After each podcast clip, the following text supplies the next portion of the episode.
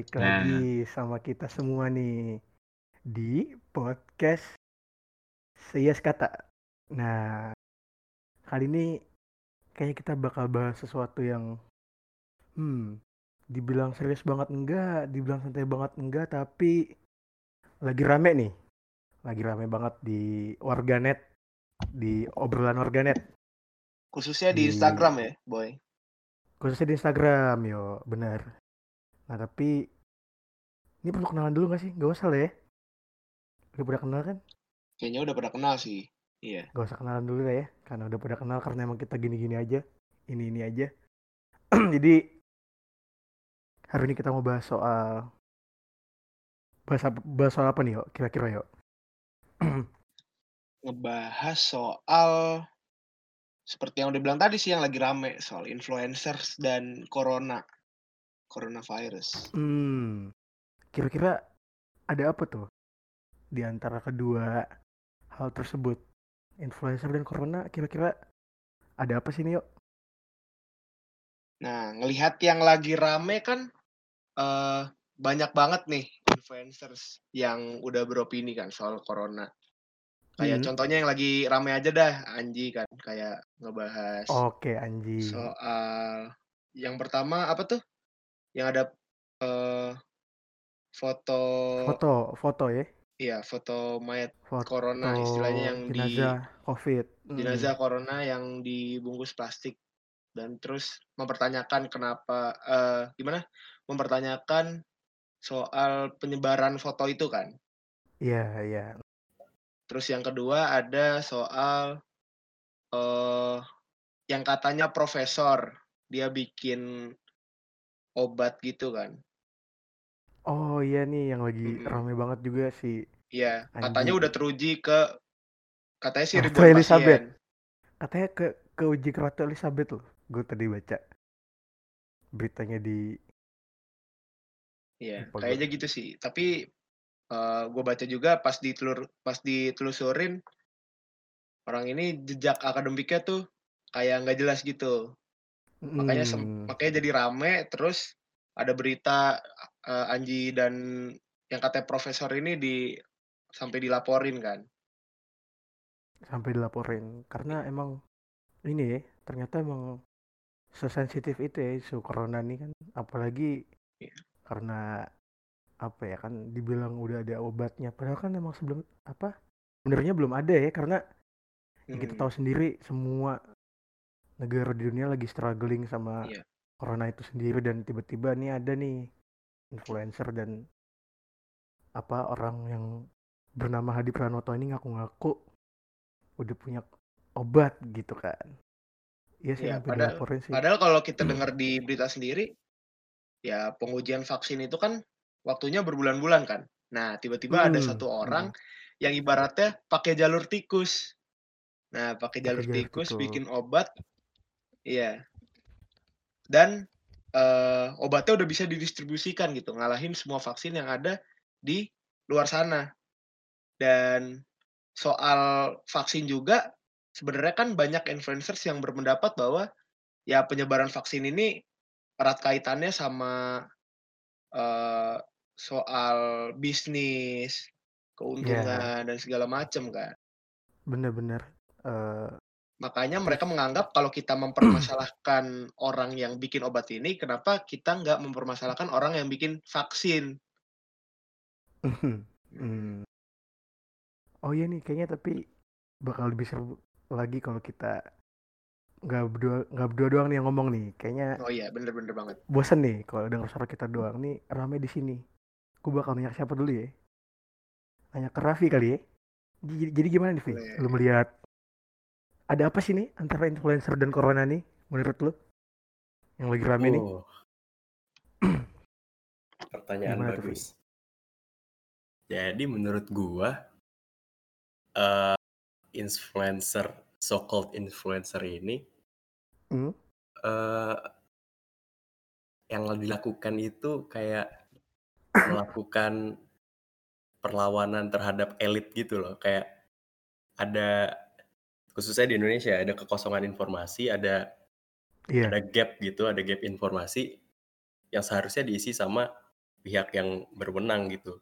Dan menurut gue mereka sejauh ini gagal untuk mengisi ruang informasi tersebut gitu yang akhirnya bukannya diisi oleh expert, oleh ahli, scientist, justru ruang itu diisi oleh influencer kebetulan saat hmm. ini Anji kan gitu sebenarnya yeah, kalau yeah. kalau lo lihat sebenarnya kalau yang wawancara tuh bukan Anji misalnya orang yang cuma punya followers 20 orang itu kan nggak apa-apa kan maksudnya nggak bakal, bakal gede kan. Bener gak bakal gede ini bener-bener iya kayak kayak uh, lu lu bego tuh nggak apa-apa cuman jangan bawa-bawa orang gitu kan jangan bawa yeah. mata gitu ya kan. Iya yeah, iya yeah, iya. yeah, menurut gua kayak ada kosongan informasi yang akhirnya masuk si influencer ini. Hmm ada kosongan informasi ya. Ini menurut yang lain gimana nih? Coba Arnold gimana hmm menurut gua ya mirip-mirip sih sama Raffi. Ya. Sebenarnya gue lebih pengen nyorot ke apa ya ke influencernya sendiri sebagai orang yang punya okay, okay. masa gitu ya. Karena ya sa gimana seharusnya ketika mereka sadar penuh bahwa mereka punya audiens yang cukup besar dan bisa berpengaruh terhadap kehidupan orang banyak. Uh, ah, gue mungkin di sini ag agak mempertanyakan sih di mana tanggung jawab mereka gitu sebagai seorang yang punya suara itu. Hmm, gitu. hmm. Oke berarti gitu ini ada dua ini. Kalau bisa gue bilang ada dua perspektif. Kalau dari Raffi bilang ini ada kosongan informasi yang harusnya diisi oleh expert eh, dan disediakan aksesnya oleh otoritas gitu ya. Dan yang satu lagi Arnold bilang ini masalahnya dari influencer itu sendiri. Gitu kali ya. Ini yang lain gimana nih kira-kira? Coba gimana Jay? Ada apa nih Jay? Uh, kalau menurut gue sih, gue mau fokus ke Anjinya ya, atau ngikutin hmm. kayak Arnold tadi. Kalau hmm. menurut gue sih kan Anji itu punya tanggung jawab ya sebagai content creator di channel YouTube dia. Mm. Dan menurut gue tuh melakukan kesalahan dengan nggak ngecek background check dari inilah si Pak Hadi ini. Iya. Yeah. Nah, itu menurut gue kesalahan dia. Tapi menurut gue sebagian besar arahan publik itu bukan hanya dari informasi yang salah yang dia sebarin, tapi juga rasa tidak bersalahnya dia itu loh. Karena okay gue baca-baca yeah, yeah, di Instagram media pun dia pernah minta maaf tapi minta maafnya atas kegaduhan yang terjadi bukan minta maaf atas keteledoran dia tidak mengecek masih atau apa gitu itu sih menurut gue hmm. orang okay. influencer itu harus menyadari sebenarnya dia punya ya pengaruh untuk mempengaruhi banyak orang jadi dia juga harus hati-hati atas informasi yang dia berikan ke banyak orang itu sih menurut gue. Hmm, menarik menarik. Gimana nih yuk? Kira-kira yuk? Kalau gue sebenarnya gue sendiri ngelihat juga sih dari pengunjung Instagram itu sebenarnya uh, apa ya? Karena influencers ini mempunyai daya tarik, daya tarik dalam bentuk mereka bisa apa ya, menggiring opini audiens di Instagram itu kan. Hmm. Nah, uh, menurut gua ini adalah kelebihan yang dipunyai influencer tapi nggak dipunyai oleh kayak uh, media-media lain gitu. Misalnya contohnya mereka bisa ngeluarin opini dan secara gampang diterima publik daripada uh, apa ya berita-berita di luar sana yang mungkin sebenarnya informasinya udah valid gitu. Iya, iya, iya, bener banget sih. Bener banget. Kayak kenapa orang maksudnya kan ini akses berita yang valid tuh banyak ya. Bisa dari jurnal, bisa dari uh, situs-situs berita yang emang udah kredibel segala macam, tapi kenapa kayaknya si, si satu orang ini yang sebenarnya ya apa ya kayak dari sekian banyak berita tentang COVID bahwa COVID ini punya apa virus yang bahaya gejalanya ini segala macem ini si Anji ini satu orang gitu tiba-tiba ngomong. Udah ada obatnya tuh kayak langsung gede banget gitu ya. Mm, bener ya banget. sih padahal kan tiap hari kita nonton ya maksudnya gimana petugas medis kewalahan gimana uh, pemerintah daerah bingung tetapin kebijakan yang kira-kira bisa tetap buka akses ekonomi di tengah-tengah eh, pandemi segala macam tapi kayaknya kenapa orang masih banyak yang skeptis ya. Iya sih menurut gua ini juga sih seperti yang tadi Raffi sempat mention kan kayak eh ada kekosongan informasi atau mungkin lebih tepatnya ada skeptisisme masyarakat terhadap eh apa ya terhadap berita-berita di luar sana gitu. Sehingga lebih milih apa ya eh lebih milih perkataan influencer sini yang mungkin dianggapnya apa ya lebih lebih lebih dia ngasih opini yang seolah-olah eh, faktual gitu ya seolah-olah iya seolah-olah lebih dekat faktual dengan dan kita. dekat dengan kita terus lebih apa ya lebih mudah dipercaya juga gitu dari kata-kata. Iya iya iya. Iya menurut gua eh ini tuh kayak ini kan masalahnya udah science gitu kompleks dan susah gitu Hmm. kalau mau cari tahu harus Hmm. ba- bacaannya tuh panjang lo harus nyari ke sana Bener. sini riset jurnal jadi orang khususnya orang yang nggak nggak suka baca berita gitu ya orang jadi nyari jalan pintas gitu apa sih yang gampang apa yang ada di luar sana nah Nah, apa yang ditawarin sama influencer yang ya sebut Anji atau Jerix, Jerings gitu. Itu kan gampang-gampang aja kan kayak oh ini konspirasi, oh iya ini udah ada obatnya. Dan iya iya iya itu beneran attracting uh, penonton banget karena emang dia menawarkan jawaban gampang untuk permasalahan yang luar biasa kompleks gitu.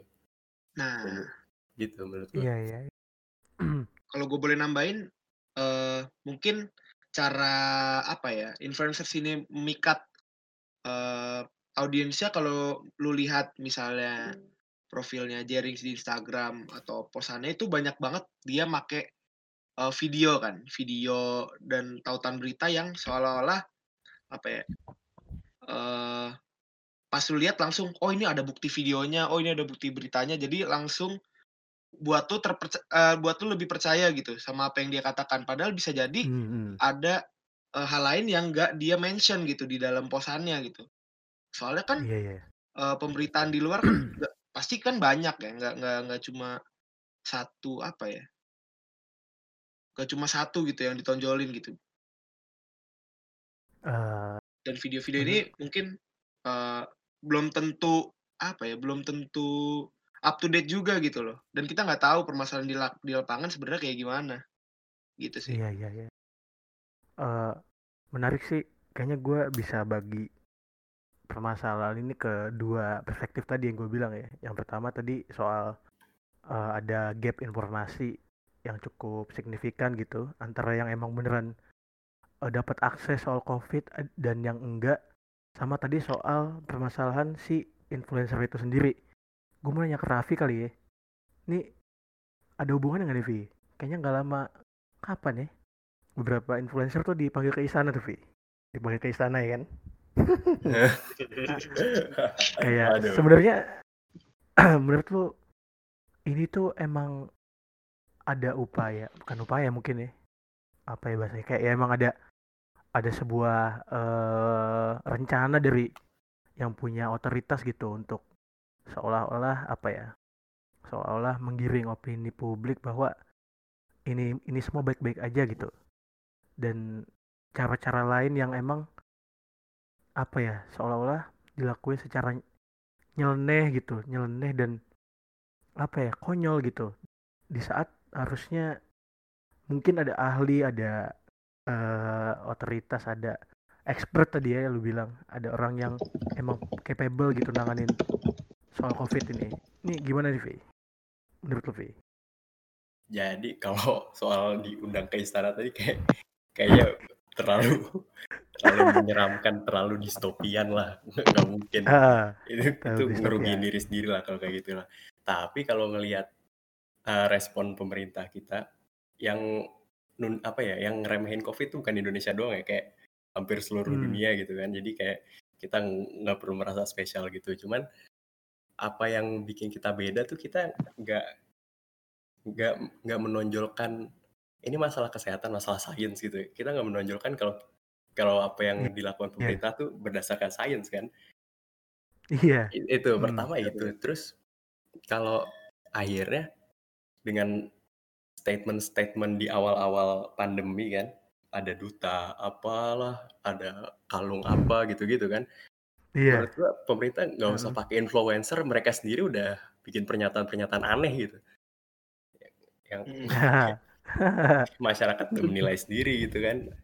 Ini sebenarnya bi- bisa apa sih pemerintah kita gitu. Dan kalau influencer sendiri sebenarnya akhirnya ke masalah individunya sih. Apalagi kalau masalah Anji kan dia dia sebenarnya latar belakangnya penyanyi. Menurut gua dia apa ya dia pengen mungkin niatnya baik pengen ngebantu ya cuman Hmm. Responnya dia untuk ngebantu itu ya salah menurut gua dia ngerasa Hmm, tahu iya, ada ilusi kalau dia itu tahu dan ternyata dia enggak gitu Bukan Berarti- berarti penyanyi juga nggak boleh komen soal Iya, iya. ini ya. Tapi Iya. yang dipermasalahkan kan eh, dia punya kapasitas sebagai influencer gitu. Nah, apa Hmm. yang dia omongin di publik harusnya ya balik lagi eh, ngerujuk ke informasi yang valid, lebih hati-hati karena dia juga ngebawa nama baik dia sendiri kan. Dan tentunya Iya, iya. informasi untuk orang lain. Hmm, iya. Iya, iya, iya. Ini menurut yang lain gimana nih kira-kira? Jason Arnold. Ngelihatnya nih salah siapa sih? Nah, mungkin itu bisa kita bahas juga ya, Boy. Mungkin kalau Anji kan dia kapasitasnya sebagai penyanyi. Nah, bisa juga Hmm. kita lihat kasus lain, kasus dokter Tita, Boy. Di mana dia memang seorang dokter gitu. Hmm, Nah, hmm. Dan Oh iya, di mana dokter Tita. dia sebagai seorang influencer menggunakan eh, apa ya kapasitasnya ini sebagai dokter untuk menyebarkan eh, informasi informasi atau opini-opini yang dia miliki gitu, terutama tentang COVID ini. Dan dan kita mungkin juga bisa melihat berapa kali berapa kasus yang terjadi ya di sekitaran juga oleh di dokter Tita ini kayak Hmm. yang pertama dia melaksanakan pesta di Holy Wings Bekasi ya. Nah, di mana itu menimbulkan cukup kegaduhan di ranah jagat media sosial juga. Terus di mana dan kita bisa melihat uh, afiliasinya juga ya dengan Jerings ya, kayak yang Iya. salah satu influencer lain juga yang cukup prominent ya dalam bahas kasus-kasus corona ini gitu ya. prominent maaf, maaf.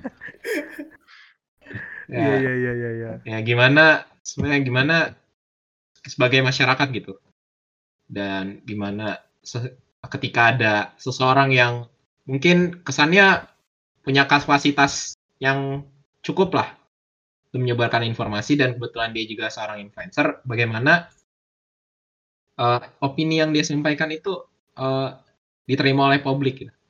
Dan kita juga bisa melihat bahwa eh, itu cukup di mana opini dokter Tita ini juga cukup kontroversial juga ya dan dengan eh, tindakan dan perkata-perkataannya juga gitu. Iya, iya, iya, iya. iya. Iya, dokter Tirta Ngomongin ya. soal Kayak- dokter Tirta ya. Gimana ya, gimana ya? Iya, kalau menurut gua ya dia ada blunder juga sih karena eh ya lagi dia kan juga influencer ya, bukan apa ya.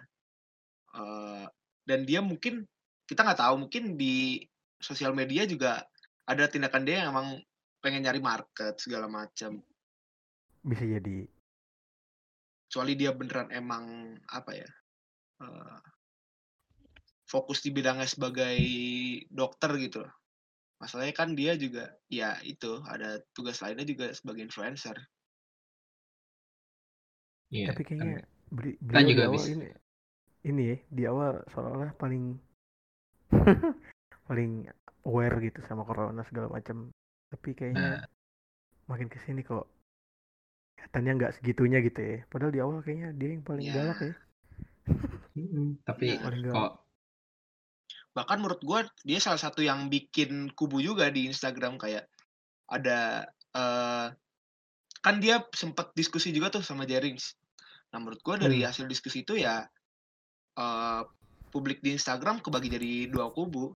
Ada yang emang eh mendukung apa ya informasi yang sampaikan soal dokter Tirta soal kayak corona ibaratnya terlihat berbahaya dan segala macam. Nah kalau Jerings kan lebih kayak corona tuh nggak sebahaya itu gitu. Dan penyampaian informasinya pun kalau Jerings lebih sebenarnya sama-sama dokter Tirta dan Jerings penyampaian informasinya kan berarti ngegas gitu kan. Hmm, hmm. Cuma mungkin Ngegas. jalur yang di anut dua-duanya beda gitu. Berlawanan. Iya iya iya. Hmm, gimana Jay? Kira-kira Jay? Siapa yang salah nih Jay? Kalau menurut gue yang tentang dokter Tirta terus Jerings itu mah gue yakin dalam hati mereka tahu se- selama mereka debat gini pasti akan menaikkan ketenaran mereka berdua terus. Hmm. Hmm, Jadi mereka iya iya. ya? Dokter Tirta ini juga walaupun dia dokter tapi dia lebih fokus ke influence gitu loh. Lebih fokus untuk naikin ketenarannya terus. Makanya dia le- le- jadi lebih fokus urusin nama Jering gitu-gitu. Padahal buat apa gitu loh. Berapa kali nih dia debat-debat terus. Nah ya benar-benar setuju setuju.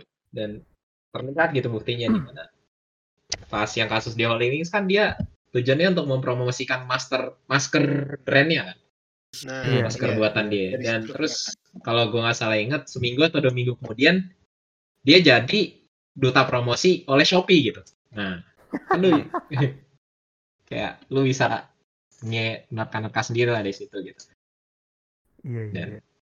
kalau memang dia memang tidak ingin mencari uh, audience atau engagement gitu, menurut gua dia pasti nggak akan sampai sampai sejauh ini gitu kayak sampai uh, manas-manasin juga dengan Jerings dan segala macam gitu.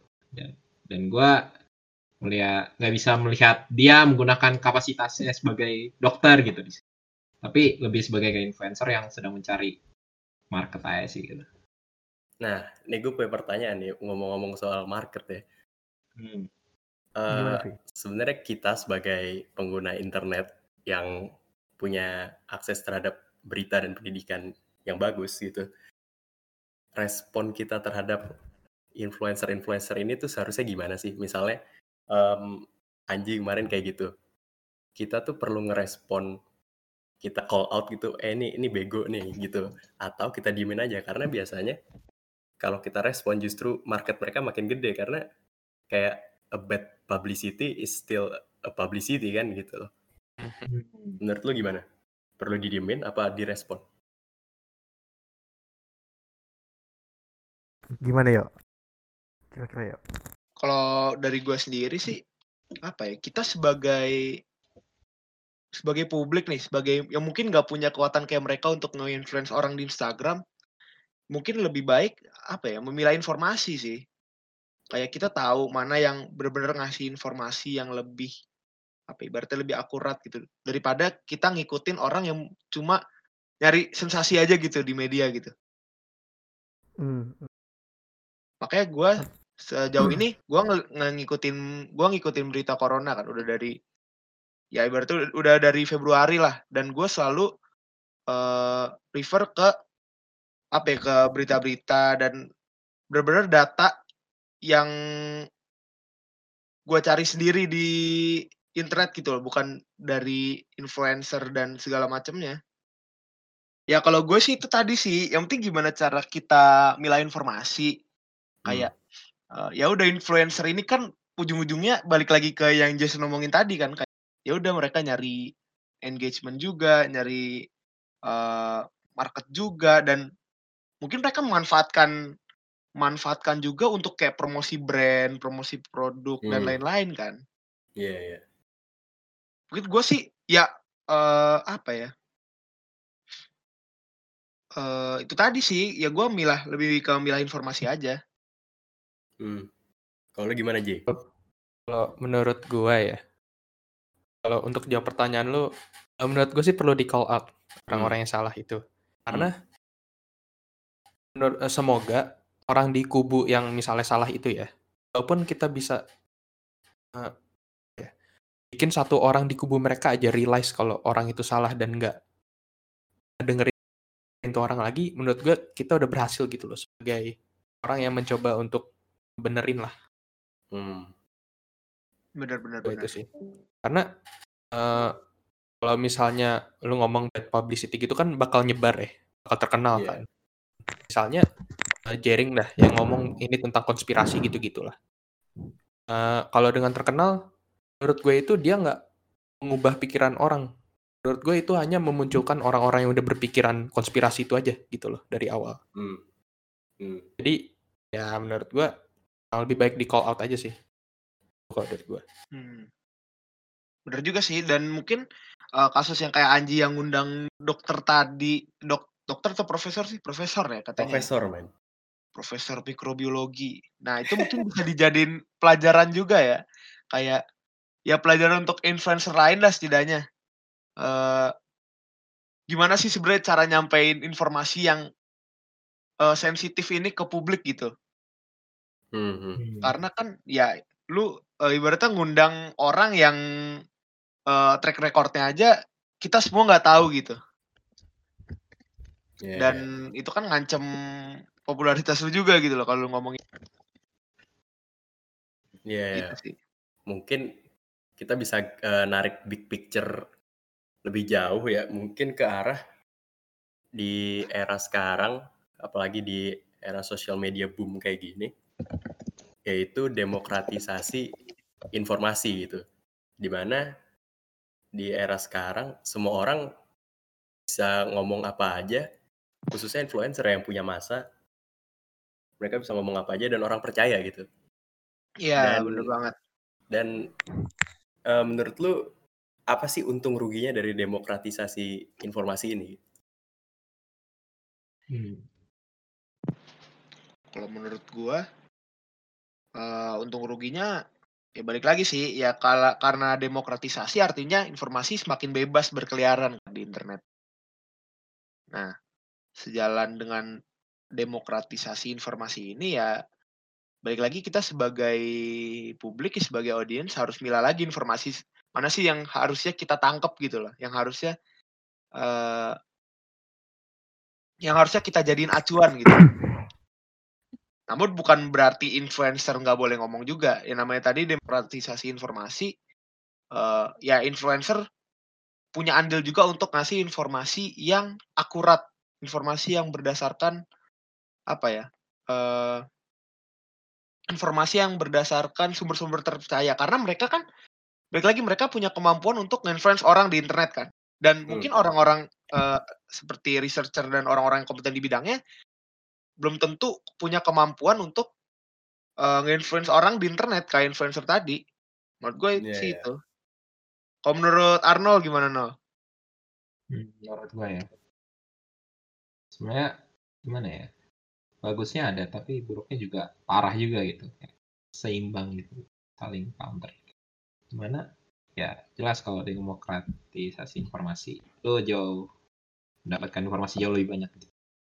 dan jauh lebih detail juga. Kalau lo mau mencari, nah masalahnya kan sering kali ap- yang membuat apa ya kayak mengapa kayak influencer-influencer tadi yang mungkin tidak berkompeten dalam bidangnya bisa uh, opininya tersampaikan ke publik gitu. Di mana sebenarnya ya kembali lagi di mana banyak banyak porsi dari uh, masyarakat kita juga yang karena saking banyaknya informasi yang mereka bisa dapatkan gitu jadi mereka jauh lebih uh, gampang lah menerima informasi secara mentah-mentah gitu karena wah gue dapat informasi dari sini dapat informasi dari sana jadi kayak um, jadinya bingung gitu kayak uh, dan mereka juga nggak harus pikir panjang lagi di di mana mereka harus meng-cross check beritanya lagi untuk cari informasi yang lebih akurat lagi dan itu kayak salah satu masalah juga yang bikin jadi mudahnya kayak kesebar hoax, dis- disinformasi dan segala macam gitu. Iya, iya. Benar-benar. Dan dan gue bisa melihat gimana so para influen mungkin seorang yang punya kapasitas sebagai influencer punya masa yang besar ini memanfaatkan eh ini ya, memanfaatkan audiensnya ini untuk tujuan pribadinya juga gitu. Seperti kayak yang tadi udah dibahas juga gitu. Dan dan sayangnya banyak orang yang termakan gitu atas Iya, iya. informasi yang buruk yang tidak valid ini Kalau menurut Hmm. eh, saudara Diboy gimana? Demokratisasi informasi ya. Ya. Bener sih yang dibilang Arnold tadi.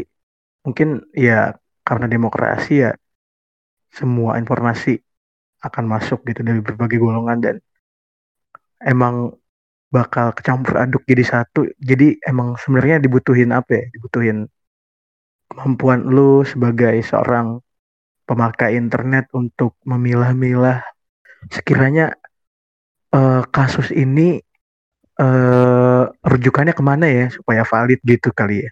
Jadi kayak emang karena emang internet itu udah sebuah keharusan ya menurut gua ya apa ya punya semacam ya tolak ukur lu sendirilah kira-kira berita ini tuh valid valid atau enggak gitu sumbernya dari mana segala macem. Gitu sih. Tapi nggak tahu kenapa ya kayak gue ngeliat COVID-19 ini dari awal kayak emang ini gue balik ke awal sih tadi. Kayak misal tadi soal pemerintah ya kenapa kenapa ini ya maksudnya kenapa mereka kan seolah-olah ngegampangin ya di awal tuh kayak ya semua menteri bilang nggak semua menteri ya beberapa menteri gitu bilang corona nggak bakal masuk ke Indonesia karena di Indonesia panas segala macem dijadiin dijadiin joke segala macem. Dan kayak pada akhirnya mungkin ya ini semacam keniscayaan gitu kalau pada akhirnya akan ada banyak informasi yang misleading kali ya. Dan pada akhirnya ya tadi kekosongan apa ya kekosongan akses informasi yang cukup valid dan pada akhirnya ya dipakailah mungkin dalam tanda kutip sama influencer ini ya untuk mungkin untuk eh, fame un- untuk emang urusan bisnis mereka segala macem sih gitu kali ya Iya, iya. gue juga ngeliat ada lingkaran setan gitu ya, kayak em, orang pengikutnya tuh nerima nerima apa aja yang influencernya bilang, karena diterima sama audiensnya, mereka ngulangin itu lagi gitu. Kayak iya iya iya muter-muter terus sampai ada salah satu yang yang memecah memecah lingkaran tersebut gitu dan menurut gue salah satu orang itu ya influencer ya karena lebih gampang gitu kan dengan kesadaran dia sendiri untuk menyebarkan informasi yang benar gitu. Hmm, tapi sayangnya kenapa kayak banyak yang banyak maksudnya influencer yang justru itu tadi kayak Anji atau Jerings gitu segala macam dan teman-temannya. Kayak gimana ya gue nggak paham sih di tengah orang semua lagi nggak enak gitu semua orang lagi susah terutama tenaga medis terutama eh semua apa ya semua rumah sakit segala macam kok. Hmm. mereka bisa ngomong segampang itu gitu. Kenapa ya? Ya, kalau kalau yang gua eh, kalau yang gua lihat lagi sih apa ya eh mungkin kenapa bisa eh eh Jerings pendapatnya Jerings ibaratnya sefenomenal itulah seterkenal itu karena mungkin lebih relate ke orang-orang yang ya katakanlah eh mungkin berada di kelas bawah juga kali ya karena mereka kan harus kerja eh, harus keluar rumah dan lain-lain dan mereka mungkin merasa adanya corona ini kayak mendiskreditkan mereka karena mereka kan harus keluar. Mungkin istilahnya juga harus harus eh apa ya? Harus ya harus keluar rumah juga gitu harus kerja harus mencari nafkah gitu sih. Dan mungkin emang gak ngerasain dampaknya langsung gitu kali ya. Gak ngerasain oh tiba-tiba kena corona nih gitu. Kayak ya udah kerja kerja aja gitu. Dan pada akhirnya ya omongan lagi-lagi omongan-omongan apa ya tadi konspirasi bla bla bla ini jadi makanan mereka gitu kali ya karena emang mungkin apa ya belum cukup riset kali ya. Belum cukup riset belum cukup banyak akses informasinya. Dan itu tadi sebenarnya sih yang pengen gue highlight adalah karena ya mungkin kalau kita ngomongin soal akses akses informasi kayaknya mungkin kan gak semua orang sama gitu ya. Gak semua orang punya gak semua orang buka Twitter gak semua orang buka jurnal gak semua orang buka CNN gak semua orang buka BBC segala macam makanya perlu ada terutama pemerintah sih. Entah kenapa gue selalu selalu apa ya harusnya pemerintah bisa lebih baik dari inilah. Karena harus ada juru bicara mungkin ya yang lebih juru bicara dan ada orang yang akhirnya cukup capable nanganin ini dengan data yang valid dan uh, data yang valid dan kebijakan yang yang merujuk pada sains sih gitu kali. Biar dari awal informasinya juga nggak simpang siur kan. Betul, betul. Gimana yang lain? Coba yang lain. Kan kayak kita kita nih, kayak kita kan udah kayak udah kayak jadi apa ya kayak uh, mahaman umum lah kalau emang mungkin data dari kasus COVID dan segala macam angka-angkanya itu mungkin uh, mungkin agak sulit dipercaya juga ya oleh banyak orang juga kan mm. terutama mungkin di jagat media sosial juga dan kembali lagi kayak ke keabsenan peran pemerintah di sini sebagai yang bisa memberikan sumber informasi yang valid juga. Dan di mana kan sudah jelas memang yang terimpact adalah masyarakat yang yang ekonominya terdampak karena pandemi hmm. ini di mana hmm.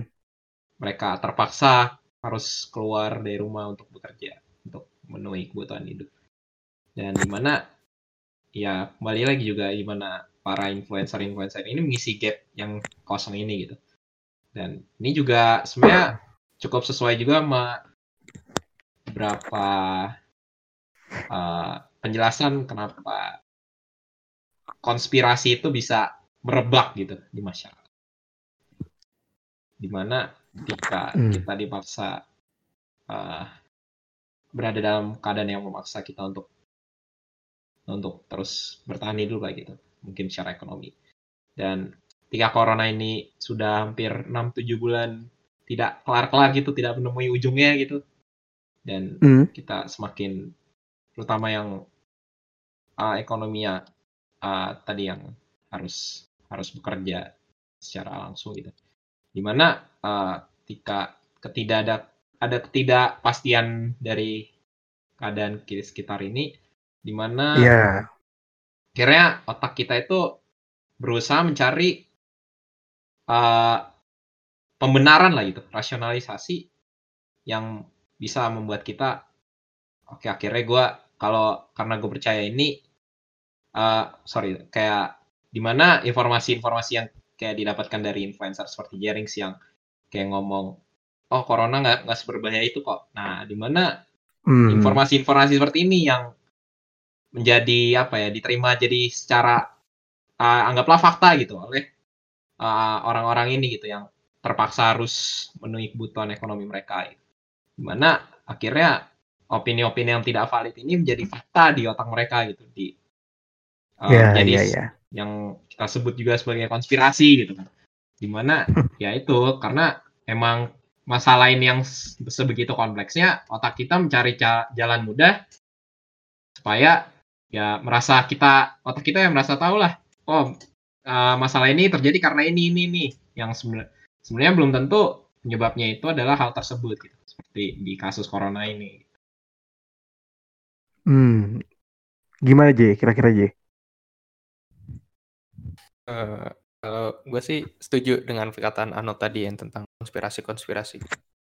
Dan menurut gue itu uh, masyarakat biasanya itu naruh influencer-influencer ini tuh kayak posisi di atas kita gitu loh. Kayak, uh, karena mereka punya pengaruh yang sangat besar bagi kita tuh kita percaya aja dengan opini-opini mereka ini. Karena emang opini itu tadi kata Arnold bisa membuat kita mungkin eh, mengerti lah, tapi sebenarnya apa yang kita ngertiin itu informasi yang salah atau belum terbukti lah. Ya, Iya iya. itu sih menurut gue sih. Iya. Konspirasi ya. menurut gua juga karena konspirasi itu selalu selalu gampang gitu cocok logi. Bener-bener. Selalu ada yang namanya cocok logi kan.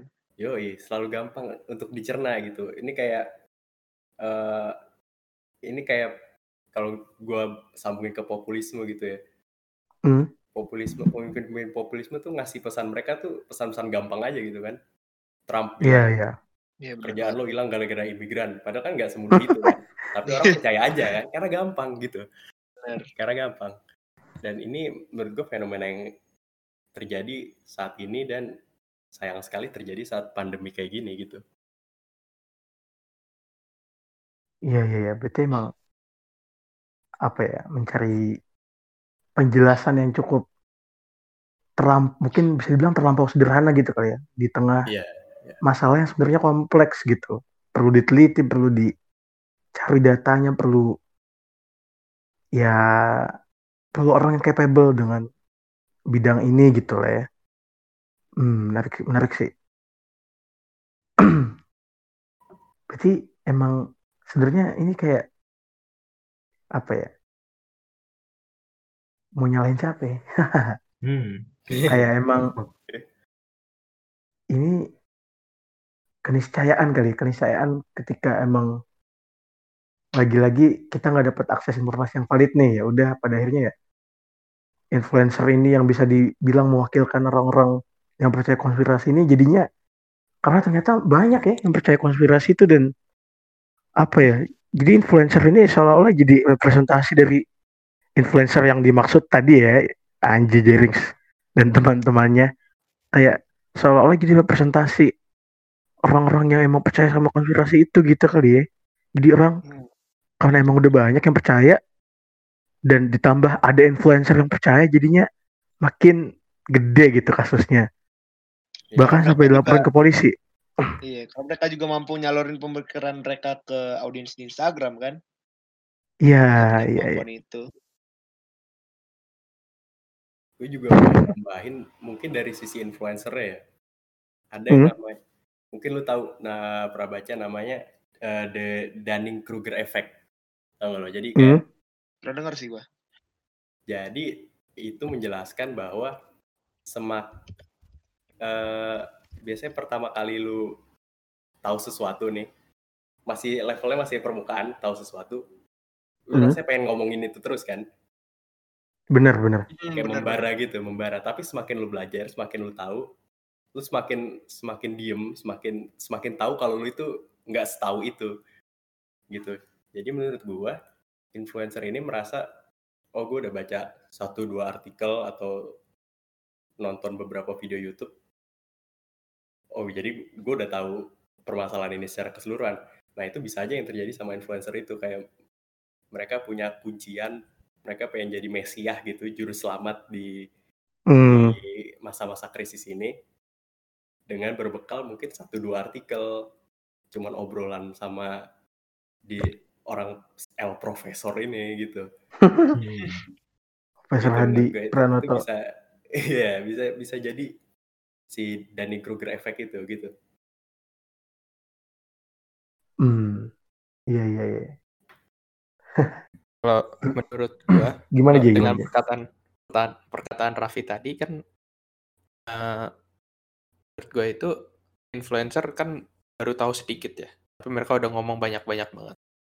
Maksud gue itu masalahnya itu di saat mereka salah mereka nutupin itu kalau sebutan kalau mereka itu hanya opini mereka doang gitu loh hmm. padahal, Hmm. padahal apa yang mereka eh, omongin itu harus dipertanggungjawabin itu loh mereka nggak research banyak nggak apa nggak jelas itu disalahin mereka cuma bilang oh itu cuma opini gue kok itu masalah yang menurut gue sih Iya, iya. Ya padahal sekali lagi opini mereka kan ngaruhin banyak orang kan. Ngaruhin Iya. pemikiran banyak orang. Iya. Mereka harus sadar Dan- kapasitas mereka juga. dan dan eh, masyarakat tuh harus bisa ngebedain apa yang fakta apa yang opini gitu kalau masalah masalah sains kayak gini kan bukan masalah opini masalah fakta menurut gua Ah, iya itu benar-benar benar ya banget. kan Dan kalau kita Iya tarik sih, lagi ke soal demokratisasi informasi tadi, ya eh, na- na- nature demokrasi ya elektoralnya atau masyarakatnya sendiri ya harus terpelajar gitu kan. Betul. Nah, menurut gua itu fase yang luar biasa panjang untuk demo- demokratisasi informasi itu. Dan kebetulan kita sampai kita belum nyampe fase yang jauh, kita masih di awal-awal kena pandemi.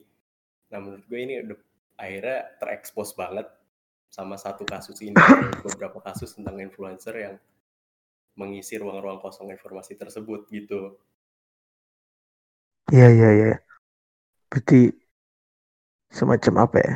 Mungkin sebenarnya emang dari bukan dari mungkin nggak nggak nggak saat ini doang sebenarnya emang ada ada yang apa ya? Ada kesenjangan lah mungkin bisa dibilang antara Betul, betul. orang yang dapat akses, orang yang dalam tanda kutip terpelajar lah di dunia internet ini kayak karena mungkin bener sih bener yang dibilang Raffi sih kayak apa ya kenapa kayak, kayak orang tua di grup WhatsApp tuh kayak semudah itu nyebarin berita yang apa ya wow gitu ya berita yang seolah-olah fenomenal segala macam padahal itu mereka sama sekali nggak tahu ini bener atau enggak ini valid atau enggak tapi disebarin gitu aja dan dengan baca itu mereka seolah-olah paling tahu gitu ya Iya. iya iya iya iya iya. Karena Coba biasanya eh, duluan Vi. Oh ya. Jadi kalau lu coba lu bandingin sama Amerika gitu ya. Kalau di Indonesia kan influencer nih yang ngomong. Ini obat Hmm. udah ketemu. Kalau di Amerika itu presiden men yang ngomong. Donald Trump yang ngomong udah injeksi aja Idolopro apa gitu. Nah tapi bedanya apa masyarakat di sana eh, nggak nerima nelen mentah-mentah gitu dan mereka punya tradisi sains yang udah bagus gitu kan langsung ditutup sama saintis saintis di sana gitu. Kalau Iya, iya, iya. ini gue rasa itu masih kurang sih dan Hmm. akhirnya akibatnya tuh bukan mungkin bukan ke kita yang tinggal di kota-kota gitu ya. Mungkin mereka yang ada nggak nggak nggak punya akses ke berita sebanyak itu mungkin nggak banyak baca berita sebanyak itu juga gitu menurut gua.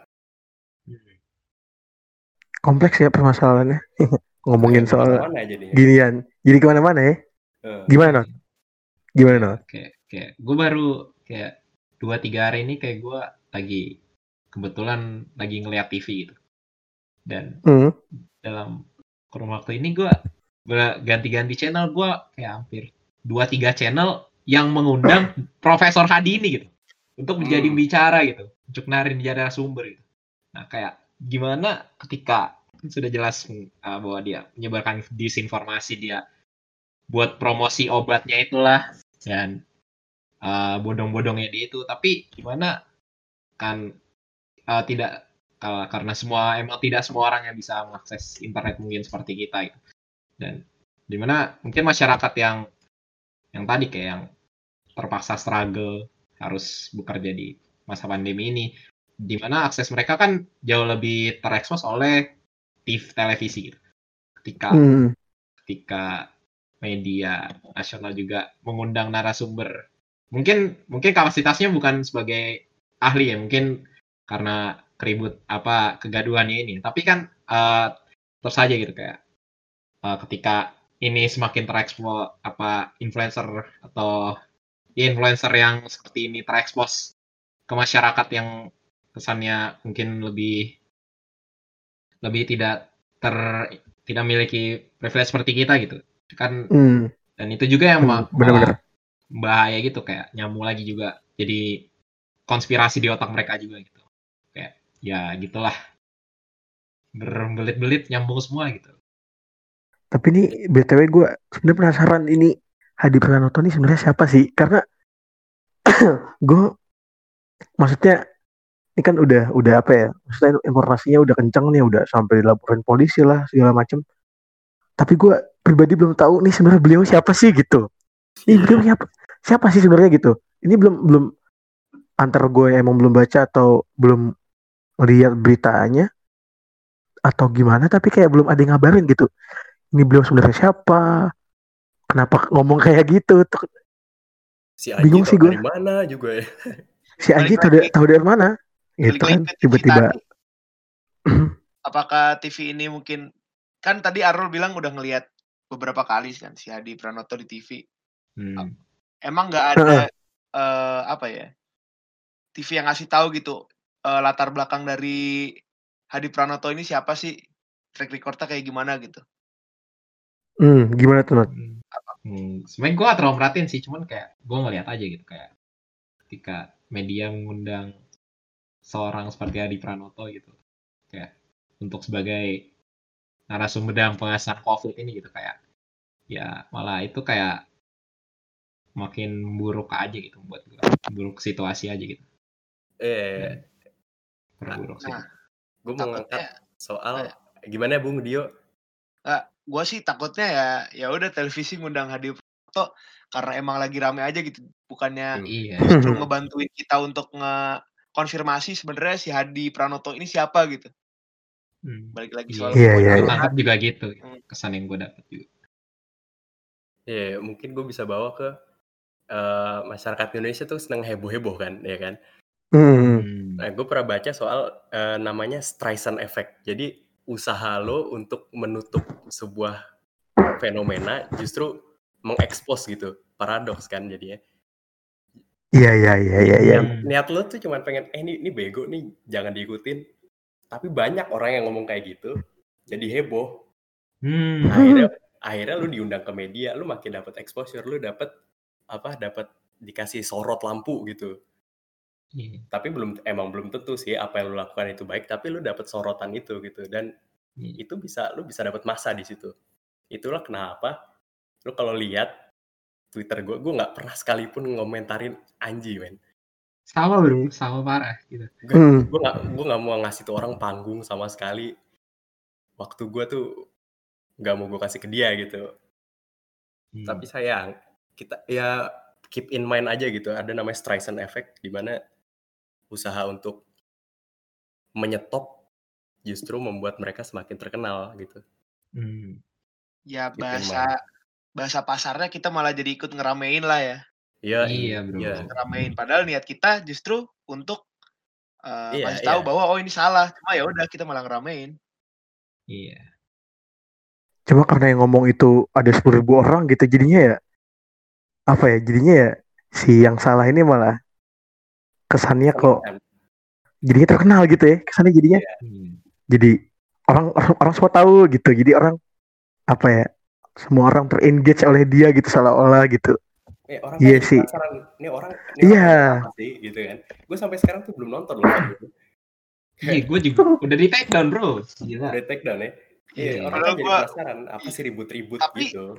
Justru bagus di take down ja- jadi kan ya view-nya nggak nambah kan jadi Iya sih. nggak nambah dan balik lagi ntar keuntungannya ke dia ke dia juga oke Hmm. yaudah lebih baik di take down juga daripada justru ntar banyak orang yang udah terlanjur percaya gitu kan Ya. ya apa pokoknya gue ada lihat si videonya Hadi Pranoto ini di narasi TV bukan di YouTube si Anji lagi karena udah di take down jadi nanti si narasi TV ini ngomentarin pernyataannya si Hadi lewat ngad- ngehadirin pakar gitu deh ada Hmm. tuh jadi abis tiap ngomong ini nanti dikomentarin gitu tuh ada di narasi TV udah sih gue gue cuma bilang itu aja eh hilang suaranya gimana Ji gimana Ji Kalau menurut gua, gua masih agak bingung sih. Kalau misalnya Raffi ngomong tadi kan emang memberikan exposure ya pada akhirnya kan, kalau lu coba nutup-nutupin. Tapi menurut gua, orang-orang yang setuju misalnya sama Anji itu, mereka nggak perlu ya, diberikan konten gitu sama Anji loh. Kayak emang dalam hati mereka udah mikir kayak gitu. Hmm. Jadi menurut gua kalau kita coba nge-call out Anji itu sebenarnya semoga orang-orang yang ngedengerin Anji dengan opini udah terfokus gitu semoga bisa apa ya nyadar lah atas kesalahannya dia atas informasi yang salah itu sih kalau menurut gua Sebenarnya menurut gue gini J, kalau kalau misalnya kita gitu yang nge-call out, menurut gue justru nggak ngaruh. Yang ngomong itu harus sumbernya langsung. menurut gue. Hmm. Mm, mm, Karena ini orang kayak nabi gitu, men. Orang percaya aja kan. Ya, Benar-benar. itu gue juga Yang bisa ngebatalin pernyataan dia ya dia sendiri. Hmm. gue ada setujunya juga sama itu. Makanya itu gue gak sukanya Manji itu udah ketahuan salah gini. Dia aja Hmm. sampai ngomong yang seharusnya minta maaf tuh di Pak Hadi. Ah, Pak Hadi ini dia nggak harus minta maaf si Anji. Karena Dia yang ngomong juga- dia.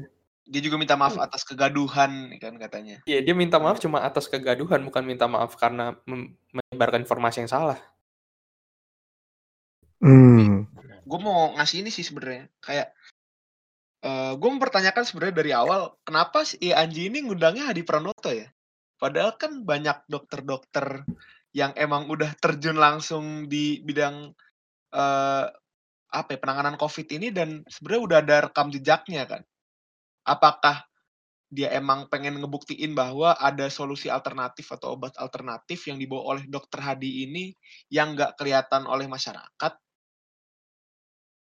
tapi saat dia ngundang Hadi itu eh malah dia justru blunder sendiri kan karena nggak ada rekam jejak ya kan sekali lagi.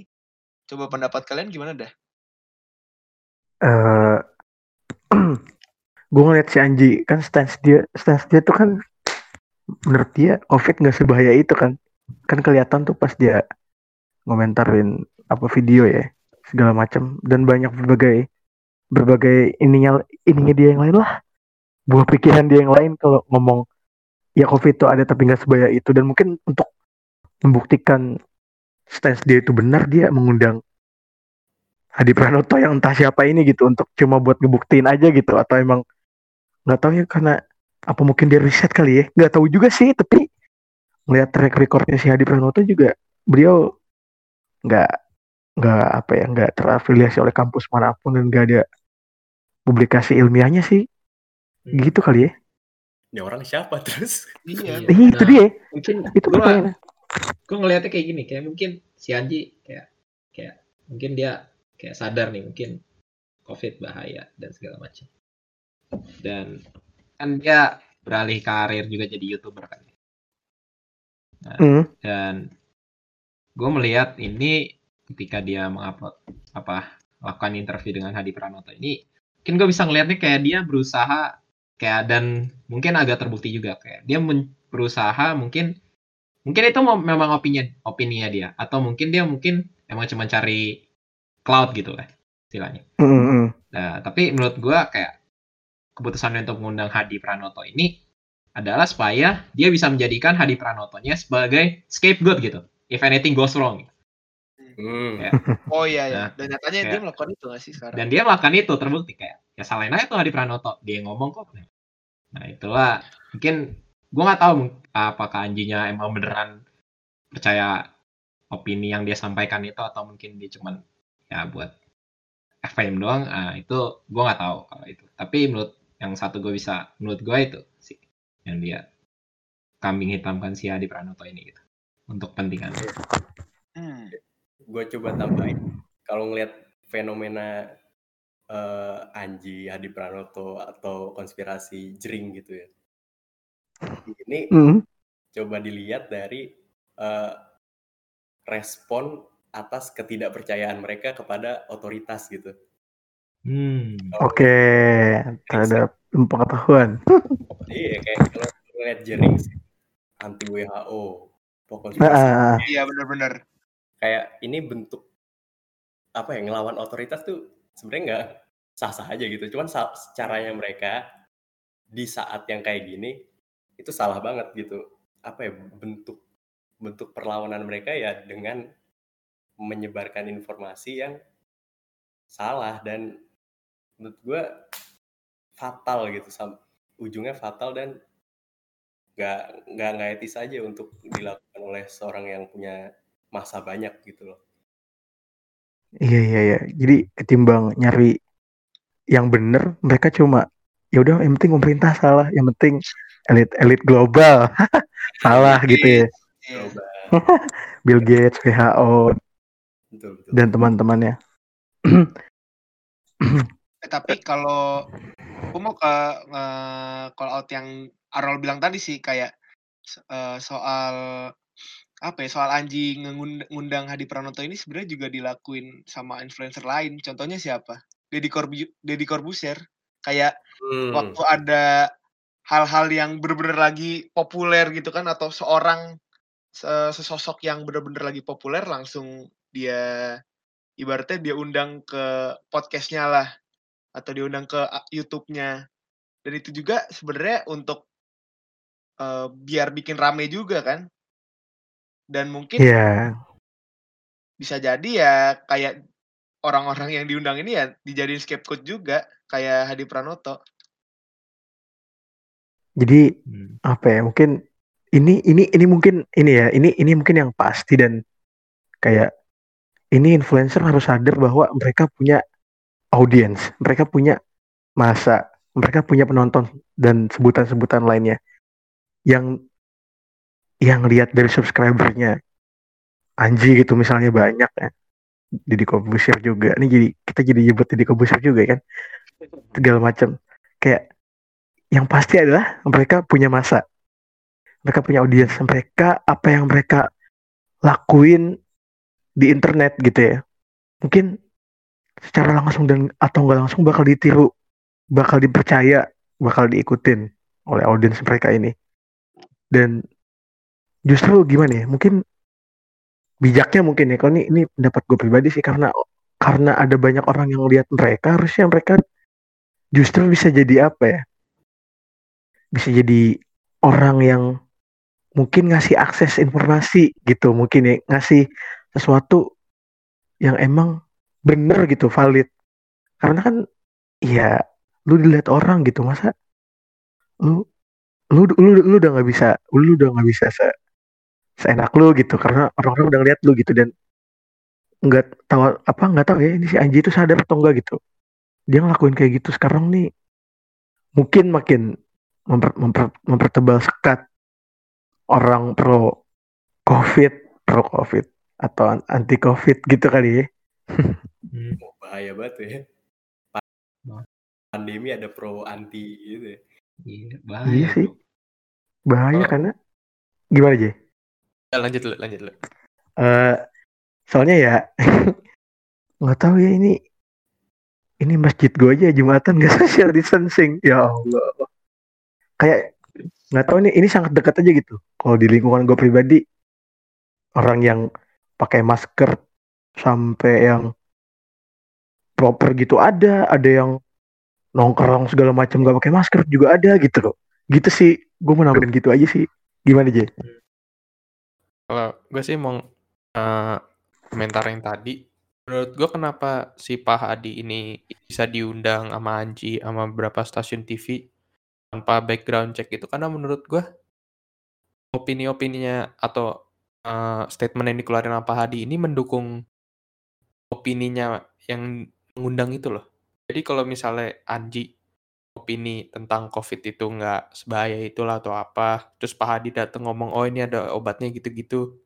Jadi main diundang karena emang pengen eh eh, secara spesifik gitulah ngundangnya itu loh. Pengen denger apa yang mereka pengen denger doang gitu. Dan kalau Hmm. misalnya Hmm. TV mungkin ngundang Pak Hadi untuk mendukung misalnya yang sosialisasi new normal lah gitu sekarang. Jadi orang udah nggak usah worry lagi gitu-gitu.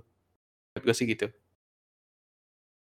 Iya, iya kayak apa ya? Eh, anjing lupa mau ngomong apa tadi gue. gimana Vi? coba diingat-ingat Lupa gue mau ngomong apa. Gue blank asli. kayak tadi sebenarnya kan kayak Raffi banyak sebut soal istilah-istilah ya kayak eh, efek ini dan segala macam kayak emang kelihatannya ini masalah sepele mungkin kelihatannya orang-orang yang punya akses untuk membangun opini publik nih seolah-olah cuma sekedar orang terkenal atau orang yang punya banyak followers gitu. Padahal sebenarnya sebenarnya ini tuh kayak apa ya ini tuh kompleks gitu. Maksudnya gimana ya gue gue cuma nggak habis pikir lagi sih kadang kayak ya internet itu bisa dilihat siapa pun internet tuh bisa diakses siapa pun gitu. Gak mandang umur gak mandang gak mandang jenis kelamin gak mandang status sosial bla bla bla dan lu udah ter- lu udah terkenal di internet tuh kayak tanggung jawab lu gede bro gitu. Maksud gue ini ber- berbicara soal moralitas kali ya.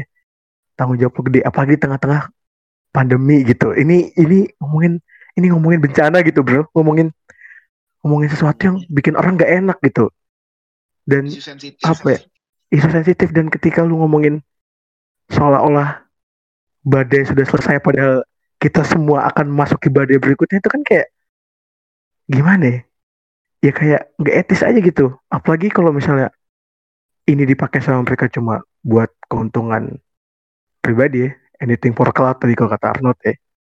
Gitu sih kayak masa sih gitu? Masa sih gitu? Masa sih lu kayak gitu gitu? Gitu sih.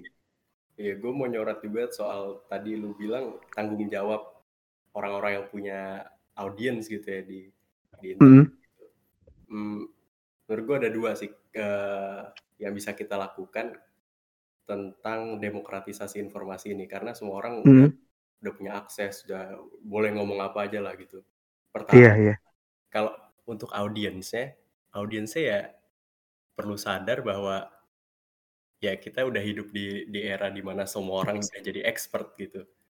benar Ketika udah- sudah semua orang jadi expert dan ada tumpukan informasi yang di depan kita, kita perlu sadar bahwa kita nggak boleh ngeliat dari satu sisi doang gitu.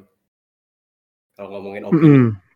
kalau fakta udah udah saklek lah fakta untuk opini gitu. Kita nggak boleh kejebak di bubble sendiri dan coba nyebrang ke bubble lain untuk ngeliat opini yang lain gitu. benar benar benar Yang kedua untuk orang yang sebenarnya punya power di sosial media, orang yang punya followers kalau di sosial media kan perlu juga sadar bahwa ya bener tadi lu bilang lu lu punya audience man. Kalau lu ngomong apa lu diikutin gitu. benar benar Jadi kayak ada timbal balik antara audience dan orang yang punya power ini. Dan kalau salah satu nggak ngebreak lingkaran setan itu, itu bakal terus muter terus dan itu nggak habis-habis menurut gua. Gitu sih. Oke. Bener-bener kayak mungkin ini kayak udah masuk kesimpulan kali ya karena gak keras udah udah sejam nih kita ngobrolin soal Anji dan teman-temannya ini. Iya, iya. kayak dan Profesor Hadi Pranoto SPD eh SPD apa ya? Gelarnya apa ya? Eh, ST Eh, mungkin kesimpulannya kayak eh pertama mungkin ada gap. Ada kekosongan informasi nih sebenarnya dari apa ya dari semua media dari semua sektor bahwa soal persoalan COVID-19 ini seolah-olah kayak abu-abu gitu. Gak ada orang expert gak ada otoritas yang eh, omongannya yang berdasar fakta, berdasar sains yang bisa bilang, oh COVID-19 kita di Indonesia korbannya udah udah seberapa, penanganannya kayak apa segala macam. Dan pada akhirnya eh, masuklah influencer, opini-opini dari influencer ini yang mungkin sebenarnya ya nggak perlu riset kali ya. Tiba-tiba karena tadi balik lagi ke demokratisasi eh, informasi tadi, semua orang bisa ngomong apa aja gitu kan ya semua bisa ngomong apa aja bisa diakses siapa aja dan emang pada akhirnya konsekuensinya adalah mengharuskan kita untuk cerdas Hmm. cerdas sebagai juga sebagai- Gimana ya? informasi di internet. Ya jangan lupa juga kalau ngelihat informasi di internet, jangan lupa di cross check lagi. Kan eh gua beberapa bulan ke belakang lihat sih kayak banyak sebenarnya laman untuk ngecek fakta atau ngecek berita yang simpang siur di internet. Nah, bener kita pakai Hmm. juga sih buat kayak sebelum kita ngirim di WhatsApp grup, sebelum broadcast bener sebelum sebelum kebohongan itu dikatakan berulang-ulang dan pada akhirnya menjadi kebenaran Nah, gitu kali ya Gitu. apa ya i- emang pada pada akhirnya mengharuskan kita punya kecerdasan memakai ini tadi ya semua media internet ini semua akses terhadap internet ini. Dan juga itu dari kitanya sebagai audiens dan mungkin kalau dari influencernya harus sadar ya bahwa lu tuh lihat orang gitu. Lu tuh apa yang nggak cuma sekedar orang terkenal nggak cuma sekedar orang yang punya nama. Mungkin ada orang mungkin salah satu dari followers lu tuh sangat-sangat mengidolakan lu gitu. Sampai misal semua yang lu misal semua yang lu omongin diikutin semua yang lu pakai dia ikutin juga dan kita nggak tahu itu. Kita nggak tahu itu dan mereka harus sadar bahwa mereka itu influencer gitu. Sekali lagi apa yang mereka lakukan bisa jadi akan seber pengaruh itu terhadap orang lain. Gitu kali ya. Bener banget nih boy. gimana nih? Ada tambahan dari yang lain Udah kali, udah udah agak lama kali, udah sejaman lebih. Juga udah sih. Cukup, cukup. Oke, kita cukupkan sampai di sini berarti. ya. Eh, terima kasih buat audiens kita. Oh, kita juga punya audiens. oh iya Kita, influencer gitu. Semoga apa tuh ya? Gue mau ngingetin ya? pada pendengar setia saya sekata. Jangan lupa juga dong follow IG kita. Oke. at Seia Sekata Kolektif. Karena selain podcast ini kita juga banyak agenda-agenda lain Hmm, di banyak konten-konten lain dan konten lain. Podcast ini yang menarik. mana lagi? Ada di mana? Yuk. Di Di di mana boy? Di Apple, Apple Music, Apple Podcast ya, sorry, gue bukan bukan Apple. Sorry. Ya, di Apple Podcast juga ada. Ada di Anchor FM juga. kurang briefing dikit. Iya. Iya, keren Pokoknya banget. Sorry. semua platform podcast terdekat platform- yang Anda punya gitu. Kalau Oke. mau filenya juga mungkin bisa ntar di Iya, ini kontak aja salah satu uh, member Iya. kita. Oke, oke. Jadi eh, untuk menutup podcast kita pada hari ini, gue mau ucapin makasih ke audiens-audiens kita. Semoga podcast kita di hari ini bisa mungkin sedikit ngasih ilmu kali ya, ngasih sedikit ilmu, ngasih sedikit Kan. gambaran, ngasih sedikit ngasih sedikit Perspektif. dan pencerahan. Sebenarnya kenapa sih gitu? Ini persoalan influencer nih eh, akhir-akhir ini lagi viral, lagi gede banget gitu, diomongin sama warganet, bahkan sampai dilaporin ke polisi ya, si Anji dan Prof Hadi itu. Gitu sih. Eh, sampai jumpa di podcast-podcast kita selanjutnya dan jangan lupa untuk ikuti terus kita seia sekata kolektif. Yeay. Dadah. Dadah. Bilang dadah semua bilang dadah. Dadah. Dadah. Dadah. dadah.